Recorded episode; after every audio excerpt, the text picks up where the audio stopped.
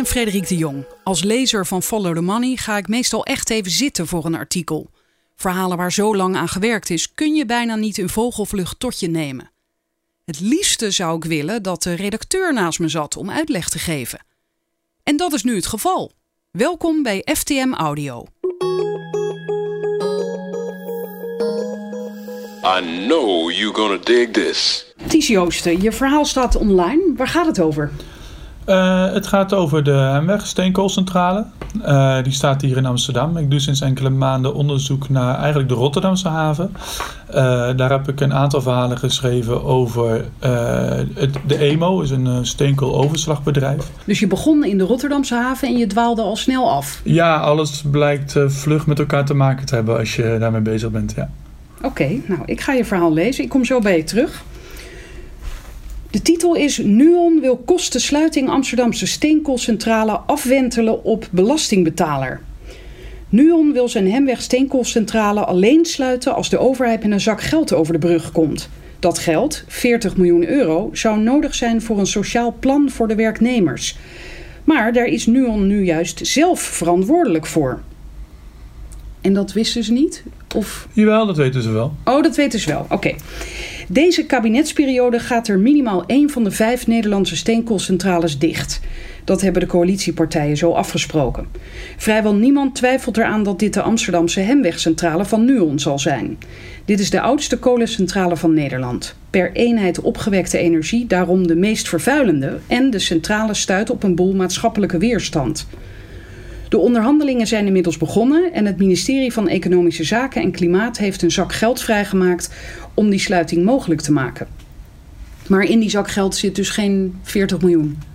Jawel, er is 55 miljoen vrijgemaakt uh, binnen het budget voor het ministerie. Um, en uh, ja, dat is eigenlijk om onderhandelruimte te creëren. En daar moet alles van betaald worden. Dus daar zit niet die 40 miljoen in die Nuon zou willen hebben. Nou, de onderhandelingen moeten begonnen worden. En om die onderhandelingen te kunnen voeren, heeft uh, het ministerie alvast een budget gecreëerd. Omdat ze dat moeten voor het komende jaar. Van nou, we gaan waarschijnlijk geld moeten uitgeven aan de sluiting van de Nuon-centrale. Dat gaat maximaal 55 miljoen zijn, want dat is wat Nuon nu al heeft geëist. Um, dus laten we vast een reservering op de begroting maken voor 55 miljoen. Met de kanttekening erbij dat we er zelf vanuit gaan dat we die niet helemaal nodig zullen hebben. Oké. Okay. Um, ehm, dus eigenlijk een budgettaire maatregel, maar het geeft eigenlijk aan dat ook dat de onderhandelingen vanuit het eh, ministerie ook uh, voorbereid worden. Nuon zegt mee te willen werken, maar dan moet de overheid wel met miljoenen over de brug komen. De energieleverancier wil 55 miljoen euro hebben. Ja, dat zei hij inderdaad. Het levendeel daarvan, 40 miljoen euro, zou bestemd zijn voor een sociaal plan voor de 200 werknemers van de centrale. Werknemer. Volgens Nuon is dit nodig omdat de Hemwegmedewerkers gemiddeld een hoge leeftijd hebben en langdurig in dienst zijn. Dat maakt het relatief kostbaar om hen van een uitkering te voorzien of naar nieuw werk te begeleiden. Toch is het de vraag waarom de belastingbetaler hiervoor moet opdraaien. Nuon is namelijk zelf verantwoordelijk voor eventuele werkloze arbeiders. Eh, waarom zijn ze daar zelf verantwoordelijk voor?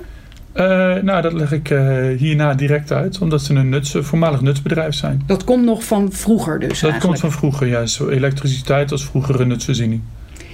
En je zegt dan inderdaad, dat zit zo. Ooit was het Nuon een overheidsbedrijf. In naam is Nuon dat nog altijd, letterlijk. De eerste twee letters van de naam staan namelijk voor nutsbedrijf. Een bedrijf dat door de overheid is opgericht omdat het van algemeen nut is. Werkgevers bij de overheid en in het onderwijs hoeven in de regel geen WW-premie af te dragen. Omdat nutsbedrijven overheidsbedrijven zijn of waren, geldt die regel voor hen ook. Daar staat tegenover dat ze zelf de kosten moeten dragen wanneer een werknemer zijn baan verliest. Het UWV betaalt dan nog steeds de uitkering, maar vordert die vervolgens terug bij het overheidsbedrijf waar de werknemer zijn baan verloor. In jargon, deze bedrijven zijn eigen risicodrager voor de WW en hoeven in ruil daarvoor geen premie af te dragen. Bijkomend voordeel: het verschil tussen de bespaarde premie en de uitkeringen mag het bedrijf houden. Ja, maar dat lijkt me in het geval van een, eh, als een heel bedrijf sluit, is dat niet gunstig. Ja, maar daar tegenover staat dat, er, uh, dat ze al tientallen jaren een uh, elektriciteitscentrale hebben. En dat ze uh, al die tientallen jaren geen WW-premie hebben hoeven afdragen. Dus er is ook een behoorlijke hoeveelheid geld bespaard met deze maatregel. En was dat toen dit ooit besloten is, ging dat nou eenmaal zo? Of kon uh, Nuon daar ook nog voor kiezen? Nee, je, Nuon kon daar voor zover ik weet in de tijd niet voor kiezen. Dit was gewoon een uh, algemene uh, regel, algemene regeling bij uh, overheidsbedrijven. Um, en toen ze eenmaal verzelfstandigd werden, bleef dat ook zo. Oké. In 2006 werd in Nederland de splitsingswet aangenomen, waarna de elektriciteitsbedrijven geprivatiseerd werden. Zo ook Nuon. Na enkele jaren als zelfstandig bedrijf te hebben gefunctioneerd, werd het in 2009 gekocht door de Zweedse energieleverancier Vattenfall, die overigens wel nog volledig in handen van de Zweedse staat is. Aan de regeling rond WW-premies veranderde echter niets. Werknemers van geprivatiseerde elektriciteitscentrales hebben hun ambtenarenstatus behouden. Zo ook bij Nuon, dat per mail bevestigt dat het nog altijd eigen risicodrager is. Het is niet helemaal duidelijk hoeveel geld het energiebedrijf daarmee tot nu toe heeft bespaard, omdat dit onder meer afhankelijk is van het gemiddeld aantal werknemers, het gemiddelde loon en de gemiddelde WW-premie per jaar. En die cijfers zijn op het niveau van de Hemwegcentrale niet openbaar. Oh, dat is jammer. Ja, dus uh, moest ik uh, uh, op de achterkant van een bierveeltje zelf aan de slag. Dit kan ook niet verkregen worden middels de WOP, de Wet Openbaarheid van Bestuur? nee, ook niet, want Nuon is natuurlijk inmiddels gewoon een geprivatiseerd bedrijf, dus valt ook niet onder de WOP. Oké. Er is in Nederland daarnaast geen enkele instantie die in de gaten houdt of dit soort bedrijven wel voldoende reserves aanhouden om aan eventuele uitkeringsverplichtingen te voldoen. Nou, dat verbaasde mij. Ik vond dat een van de, van de, van de ja, uh, andere dingen die ik uitvond. Ik zou denken dat als je bedrijven verplicht om uh, eventuele werkloze, nemen, werkloze arbeiders zelf van een uitkering te voorzien dat je ook in de gaten houdt of ze daar wel voldoende reserves voor in kas houden. Maar er is kennelijk niemand die daar uh, op controleert. Het is uiteindelijk uh, ja, accountants die dat dan in de gaten moeten houden. Maar... En ze hoeven die informatie dus niet vrij te geven. Jij hebt het wel gevraagd? Ja, nee, natuurlijk, ja. En toen moesten ze lachen? Nee, ja, nee, ja daar kreeg ik gewoon geen antwoord op. Oké. We kunnen wel een schatting maken. Volgens de FNV verdient een werknemer van een kolencentrale met onregelmatige ploegendiensten en de daarbij behorende toeslagen gemiddeld 75.000 euro bruto per jaar. Het UWV geeft aan dat de WW-premie in Nederland nu gemiddeld 4% is. Vroeger was dat hoger. In totaal heeft de Hemwegcentrale momenteel 200 werknemers. Dat zou betekenen dat Nuon dit jaar 6 ton aan WW-premie in zijn zak kan houden. Op de locatie aan de Hemweg staan al sinds 1953 verschillende elektriciteitscentrales van Nuon of zijn voorgangers. Grote massa-ontslagen zijn bij de Hemwegcentrale nooit gevallen, dus grote uitkeringsverplichtingen kan het bedrijf nooit gehad hebben. Duidelijk is dus dat Nuon dankzij deze regeling vele miljoenen aan WW-premie heeft kunnen uitsparen. Daar staat dus tegenover dat Nuon de verplichting heeft om werknemers die op straat belanden van een vangnet te voorzien. In dat licht is het hoogst opmerkelijk dat Nuon via een omweg alsnog 40 miljoen euro bij de overheid probeert los te peuren. Het risico op werkloze arbeiders is inmiddels precies het risico dat Nuon zelf dragen moet en waardoor het miljoenen aan WW-premie heeft kunnen besparen. Dit zijn van meet af aan de regels van het spel geweest. Ja, ik zie nu al dat je schrijft, Nuon weet dit overigens, maar mhm. ze proberen gewoon wat of vinden ze echt dat ze er recht op hebben? Nou, nou ja, in alle eerlijkheid, eh, dat wordt voor mij speculeren. Dat weet ik natuurlijk niet zeker. Ehm, eh, ze weten natuurlijk dat ze eigen risicodrager zijn. Ik heb het idee dat bij Nuon toch een gevoel van onrecht leeft. dat zij door de overheid straks verplicht worden om die hemwegcentrale te sluiten. Um, en daar toch een, een vergoeding voor willen zien. Um, Want was er ooit eerder al sprake van? Van jongens, jullie weten op een dag gaat die dicht? Of op? Nou, uh, niet, in, niet in deze termen natuurlijk. Um, maar ja, gezien de, klima ja, gezien de uh, klimaatverandering uh, en hoe vervuilend steenkool is en de alternatieven die we hebben voor elektriciteitsopwekking is het ook geen hogere wiskunde om, na, om te bedenken dat steenkoolcentrales toch wel bovenaan het lijstje staan om een keer gesloten te worden. Dus ik vind dat er ook nog wel een argument te maken is dat het gewoon onder ondernemersrisico valt. Um, Maar hoe het ook zij, uh, als ze gewoon een vergoeding willen voor het sluiten van die centrale, vind ik dat je het een vergoeding voor het sluiten van die centrale moet noemen. En niet moet zeggen van, och, die arme werknemers staan anders in de kou. Want dat is een argument er bij de haren bijslepen wat op dit moment niet de zaken doet voor die werknemers. Omdat ze dat geld in huis hebben. Ja, als dat het goed geld is, hebben ze in huis. Eh, Ja. Ze, ze dragen zelf die verantwoordelijkheid. Die hebben ze altijd zo gedragen. En dat weten ze zelf ook. Oké, nou jij zegt inderdaad over die regels van het spel. eh, Die, die waren altijd al eh, bekend. Nuon weet dit overigens. In 2013 sloot het bedrijf de Willem-Alexander Steenkoolcentrale in het Limburgse Buggenum. Waarbij 140 werknemers hun baan verloren. Voor hen maakte Nuon wel op eigen kosten een sociaal plan. Volgens een woordvoerder van het energiebedrijf is de situatie nu anders, omdat het de overheid is die bij de Hemwegcentrale de sluiting afdwingt.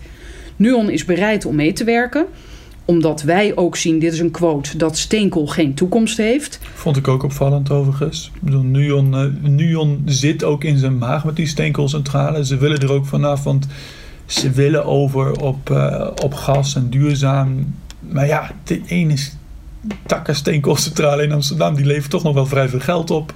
Ehm, Dus wa- wat vind je dan opvallend dat ze zeggen dat steenkool geen toekomst heeft? Dat, Ja, dat valt je dat- mee eigenlijk. Nou ja, kijk, in, in de bredere strategie dat zo'n groot eh, elektriciteitsbedrijf, energiebedrijf eh, aangeeft van eh, ja, steenkool heeft geen toekomst, dat zien wij ook.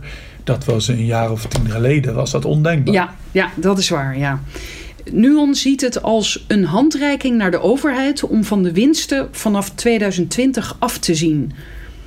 Oh, want zo zien zij dat. Ze gaan het bedrijf afstoten, dus dan zie je ook van winsten af. Maar Ja, zo- trouwens ook van verliezen. dat. Maar Nou, en, dan, En- en en daar willen ze dus, eh, daar willen ze dus, eh, toch geven ze ook een beetje aan, hè? daar willen ze dus eigenlijk een vergoeding voor zien. En eh, nou ja, los van de vraag of die vergoeding terecht is, zeg dat dan ook gewoon. En zeg niet van het is wel een sociaal plan voor de werknemers. Want dat is volgens jezelf dus kennelijk ook niet waar.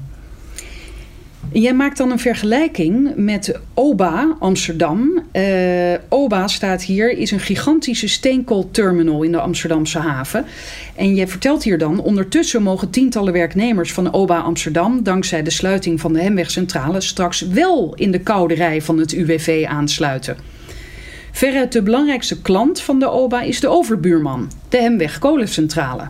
Via lange transportbanden wordt de steenkool van de OBA automatisch naar de centrale vervoerd. Dus als de Hemwegcentrale straks de deuren sluit, betekent dat een gigantische klap voor de OBA. Daar komt nog bij dat het ministerie er in dit rapport, er staat hier een rapport, van uitgaat dat de OBA ten gevolge van het verlies van de Hemwegcentrale als klant ook andere klanten gaat verliezen. Hemweg weg, oh, wacht even. Hemweg weg zou zomaar ook kunnen betekenen dat OBA weg moet. Oké, even kijken. Dus OBA levert aan de Hemweg en zij gaan, eh, moeten dan ook sluiten. Is dat hun enige klant? Nee, het is niet hun enige klant. Eh, het is wel hun allergrootste klant. Eh, dus wat dat betreft betekent het op zichzelf al een klap voor OBA Amsterdam. Ehm, En waarom mogen hun werknemers dan wel naar het UWV? Nou, dat leg ik hierna uit. Maar wat, eh, wat nog wel goed is om op te merken, is dat zij eh, verliezen niet zozeer alleen hun grootste klant. Eh, in, het, in het overslagbedrijf werkt het als volgt. Dat, meestal is het zo dat degene die de grootste lading op een schip heeft, die bepaalt waar dat schip gelost wordt. En als een schip gelost moet worden, een schip zit nooit helemaal vol. eh, met, met 100% lading voor de Hemwegcentrale. Die, dat zijn verschillende deelladingen voor verschillende klanten. Sommige ladingen hebben nog niet eens een klant, maar worden zodra ze op de wal liggen, wordt, wordt die lading aan een klant verkocht. Ehm, nu is het zo dat omdat de OBA, of omdat de Hemweg zo'n grote klant is, dat heel veel van die schepen die gaan naar Amsterdam toe, die worden gelost door de OBA. En de lading voor andere klanten dus ook, want dat schip vaart naar Amsterdam. Als de Hemweg als grootste klant wegvalt, betekent dat dat die schepen niet automatisch alsnog naar Amsterdam zullen komen. Die kunnen net zo goed voor een andere haven kiezen, want er is helemaal geen, geen reden om dan naar Amsterdam te komen. Dus het wegvallen van de Hemweg betekent niet alleen het verlies van de grootste klant. Het betekent waarschijnlijk nog een veel groter verlies, omdat, omdat complete schepen met ook deelladingen voor andere klanten eh, een, eh, ja, meer keuze krijgen. Naar andere havens kunnen, naar Duitse havens kunnen, naar Rotterdam kunnen. Naar, En naar kan je daarmee kunnen. zeggen dat eh, OBA dus eh, zeker om gaat vallen? Dat weet ik niet. Dat is eh, ook eh, heel speculatief. Maar. eh, Ze zullen in ieder geval een paar mensen moeten laten gaan. ze zullen in ieder geval moeten krimpen. En ze gaan in ieder geval echt een flinke tik op de neus krijgen. En ja, het valt niet uit te sluiten dat zij ook gewoon inderdaad om gaan vallen. Er komt ook nog eens bij dat Amsterdam per 2030 gewoon van de steenkooloverslag af wil. Ehm, dus dat is inmiddels ook over 12 jaar. Dus ja, grote investeringen gaan daar ook niet meer gemaakt worden. Dus, dus hoe dan ook is de OBA een aflopende zaak. De vraag is alleen of Wanneer? de, ja, of de Hemweg definitieve einde betekent of gewoon een hele grote knap. Maar ze liggen in de touwen, dat is zeker. En dan leg je inderdaad uit waarom de werknemers van de OBA eh, wel naar het eh, UWV mogen. Voor de werknemers van de OBA worden echter geen mooie afvloeingsregelingen bedacht. De OBA is altijd een privaat bedrijf geweest en is dus geen eigen risicodrager. Mocht het bedrijf failliet gaan, dan is het aan het UWV om een oplossing voor de werknemers te verzinnen. Ondertussen geeft minister Wiebes in deze Kamerbrief, die is hier dus te lezen, aan dat hij zich bewust is van de gevolgen van de sluiting van de kolencentrales voor de eigenaren, maar geen woord over de gevolgen voor de kolenoverslagbedrijven. Zo ontstaat de wrange situatie dat het ministerie straks wellicht tientallen miljoenen betaalt voor een sociaal plan voor werknemers van een bedrijf dat er eigenlijk zelf verantwoordelijk voor is, terwijl werknemers ietsje verderop bij het UWV mogen aankloppen. Anders gezegd, de werknemers die ervoor zorgen dat de steenkool van de transportband in de elektriciteitsoven terechtkomt, zitten er straks warmpjes bij. Leuke woordspeling. Terwijl de werknemers die aan de overkant van de weg diezelfde steenkool op diezelfde transportband laden, straks in de kou staan. Dat is inderdaad heel merkwaardig. Ja, ja klopt. En niet volgens plan eigenlijk. Nou ja, het is een eh, gevolg wat denk ik nog onvoldoende onder ogen wordt gezien. Ehm, eh, we willen van de steenkoolcentrales af. En eh, ja, dat, dat lijkt mij ook dat dat geen toekomst heeft. Ehm, maar we beschouwen het niet als een ketenprobleem. En dat is het wel. Eh, eh, Rotterdam is de grootste steenkoolhaven van Europa. Amsterdam is de ene grootste steenkoolhaven van Europa. Ehm, dat betekent dat het probleem veel dieper en veel verder gaat dan alleen maar het eh, uitzetten van een paar kolencentrales. We, gaan, we moeten beslissingen nemen over wat we met die grond gaan doen. Wat gaan we met die werknemers doen? Wat voor plannen hebben we daarmee? Ehm, ja, en daar, ja, daar maak ik me wel zorgen over. In, in hoeverre daarop voldoende over wordt nagedacht en of we ons daarop voorbereiden. Heb je ook iemand gesproken bij de OBA? Eh, nou, ik ben bezig met een groot onderzoek naar de HES. Eh HES is de eigenaar van de OBA. En in, eh, ja, daar ben ik wel met eh, verschillende bronnen aan het praten. Ja. Ja, dus je hebt nu nog geen reactie van ze gekregen op deze mogelijke eh, gevolgen. Nee, en eh, dat komt ook omdat er rond de OBA spelen zo gigantisch veel complexe dossiers. Wat ook nog eens meespeelt is dat eh, Amsterdam een gigantische woonwijk in, ze, in het havengebied Ja, aan het plannen is. Havenstad heet dat. Daar moeten 40 tot 70.000 woningen gebouwd worden. Die, eh, dat is evenveel woningen als de complete stad Leiden heeft. Om je enig idee te geven van de omvang. En dat is dus vlakbij die eh, Dat centrale. vlak bij, die, eh, ja, dat is vlak bij het overslagbedrijf. Ehm, en dat betekent dat die grond vermoedelijk een andere bestemming krijgt. En ook vermoedelijk, hè, het is allemaal speculatief, maar veel meer waard gaat worden.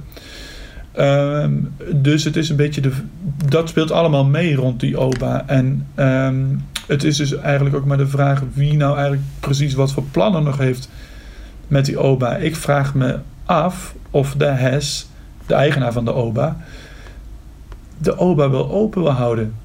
Zeg maar nogmaals met, met, eh, met de disclaimer dat dit speculatief is. Maar ehm, de, eh, als met het wegvallen van de Hemweg is natuurlijk ook een makkelijke manier om de OBA gewoon failliet te laten gaan. De steenkoolactiviteiten daar te beëindigen. Wat Amsterdamse haven toch al van plan is per 2030. En die grond geschikt te gaan maken voor.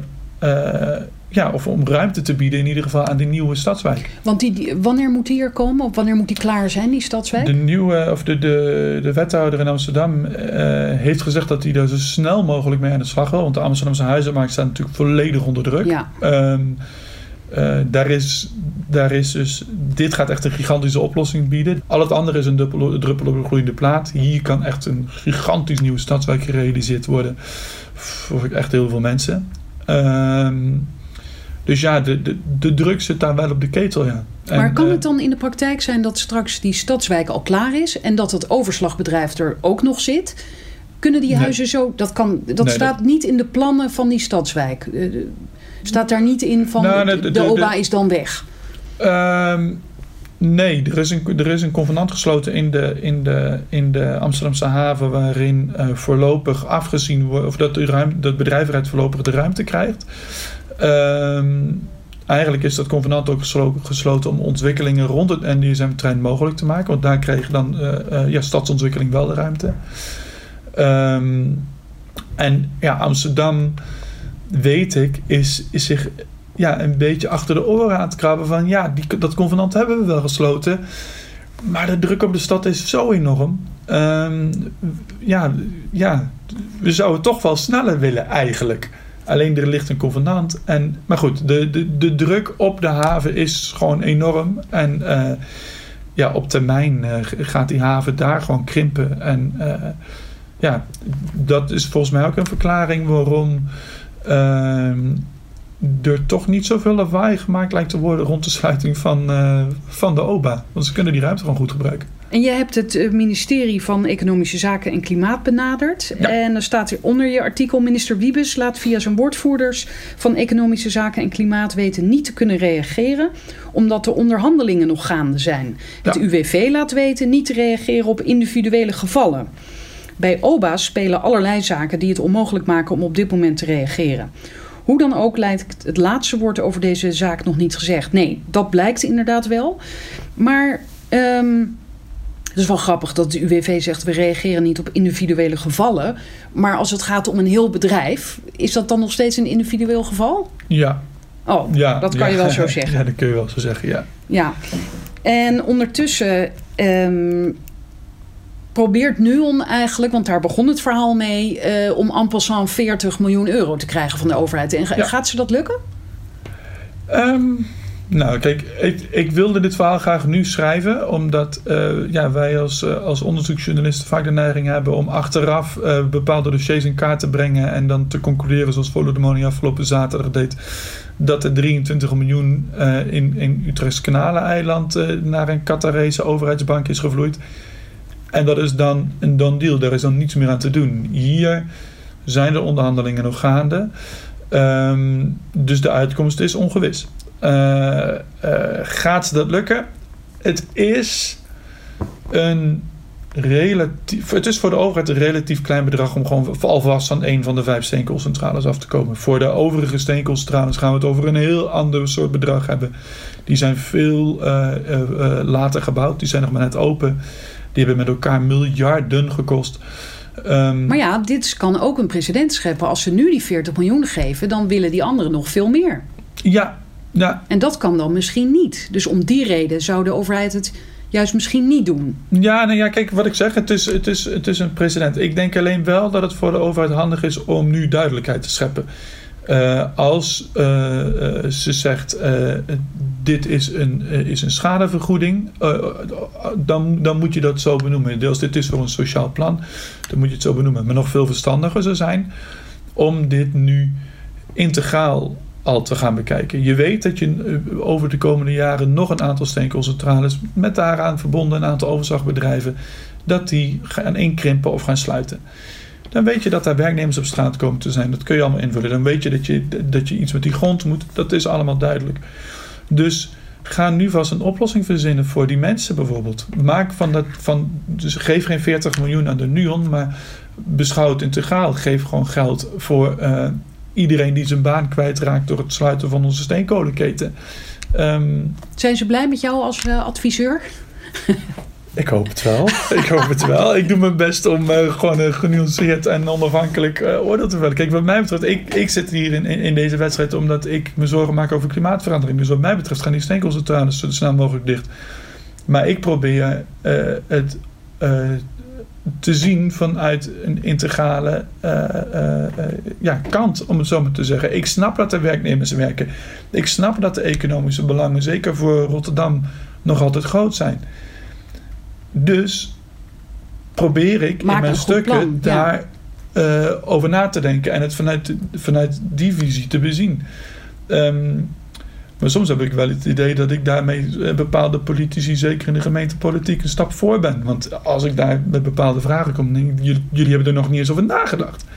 En ja, daar maak ik me wel zorgen over. Ja, om, en dat, maar dat maakt jouw werk ook leuk? Dat maakt mijn werk ook, ook leuk, ja. Dat maakt me ook leuk. Dankjewel. Graag gedaan. Tot zover FTM Audio. Ga voor meer geschreven verhalen naar ftm.nl. Ik meld me snel weer met een audioartikel. Dag!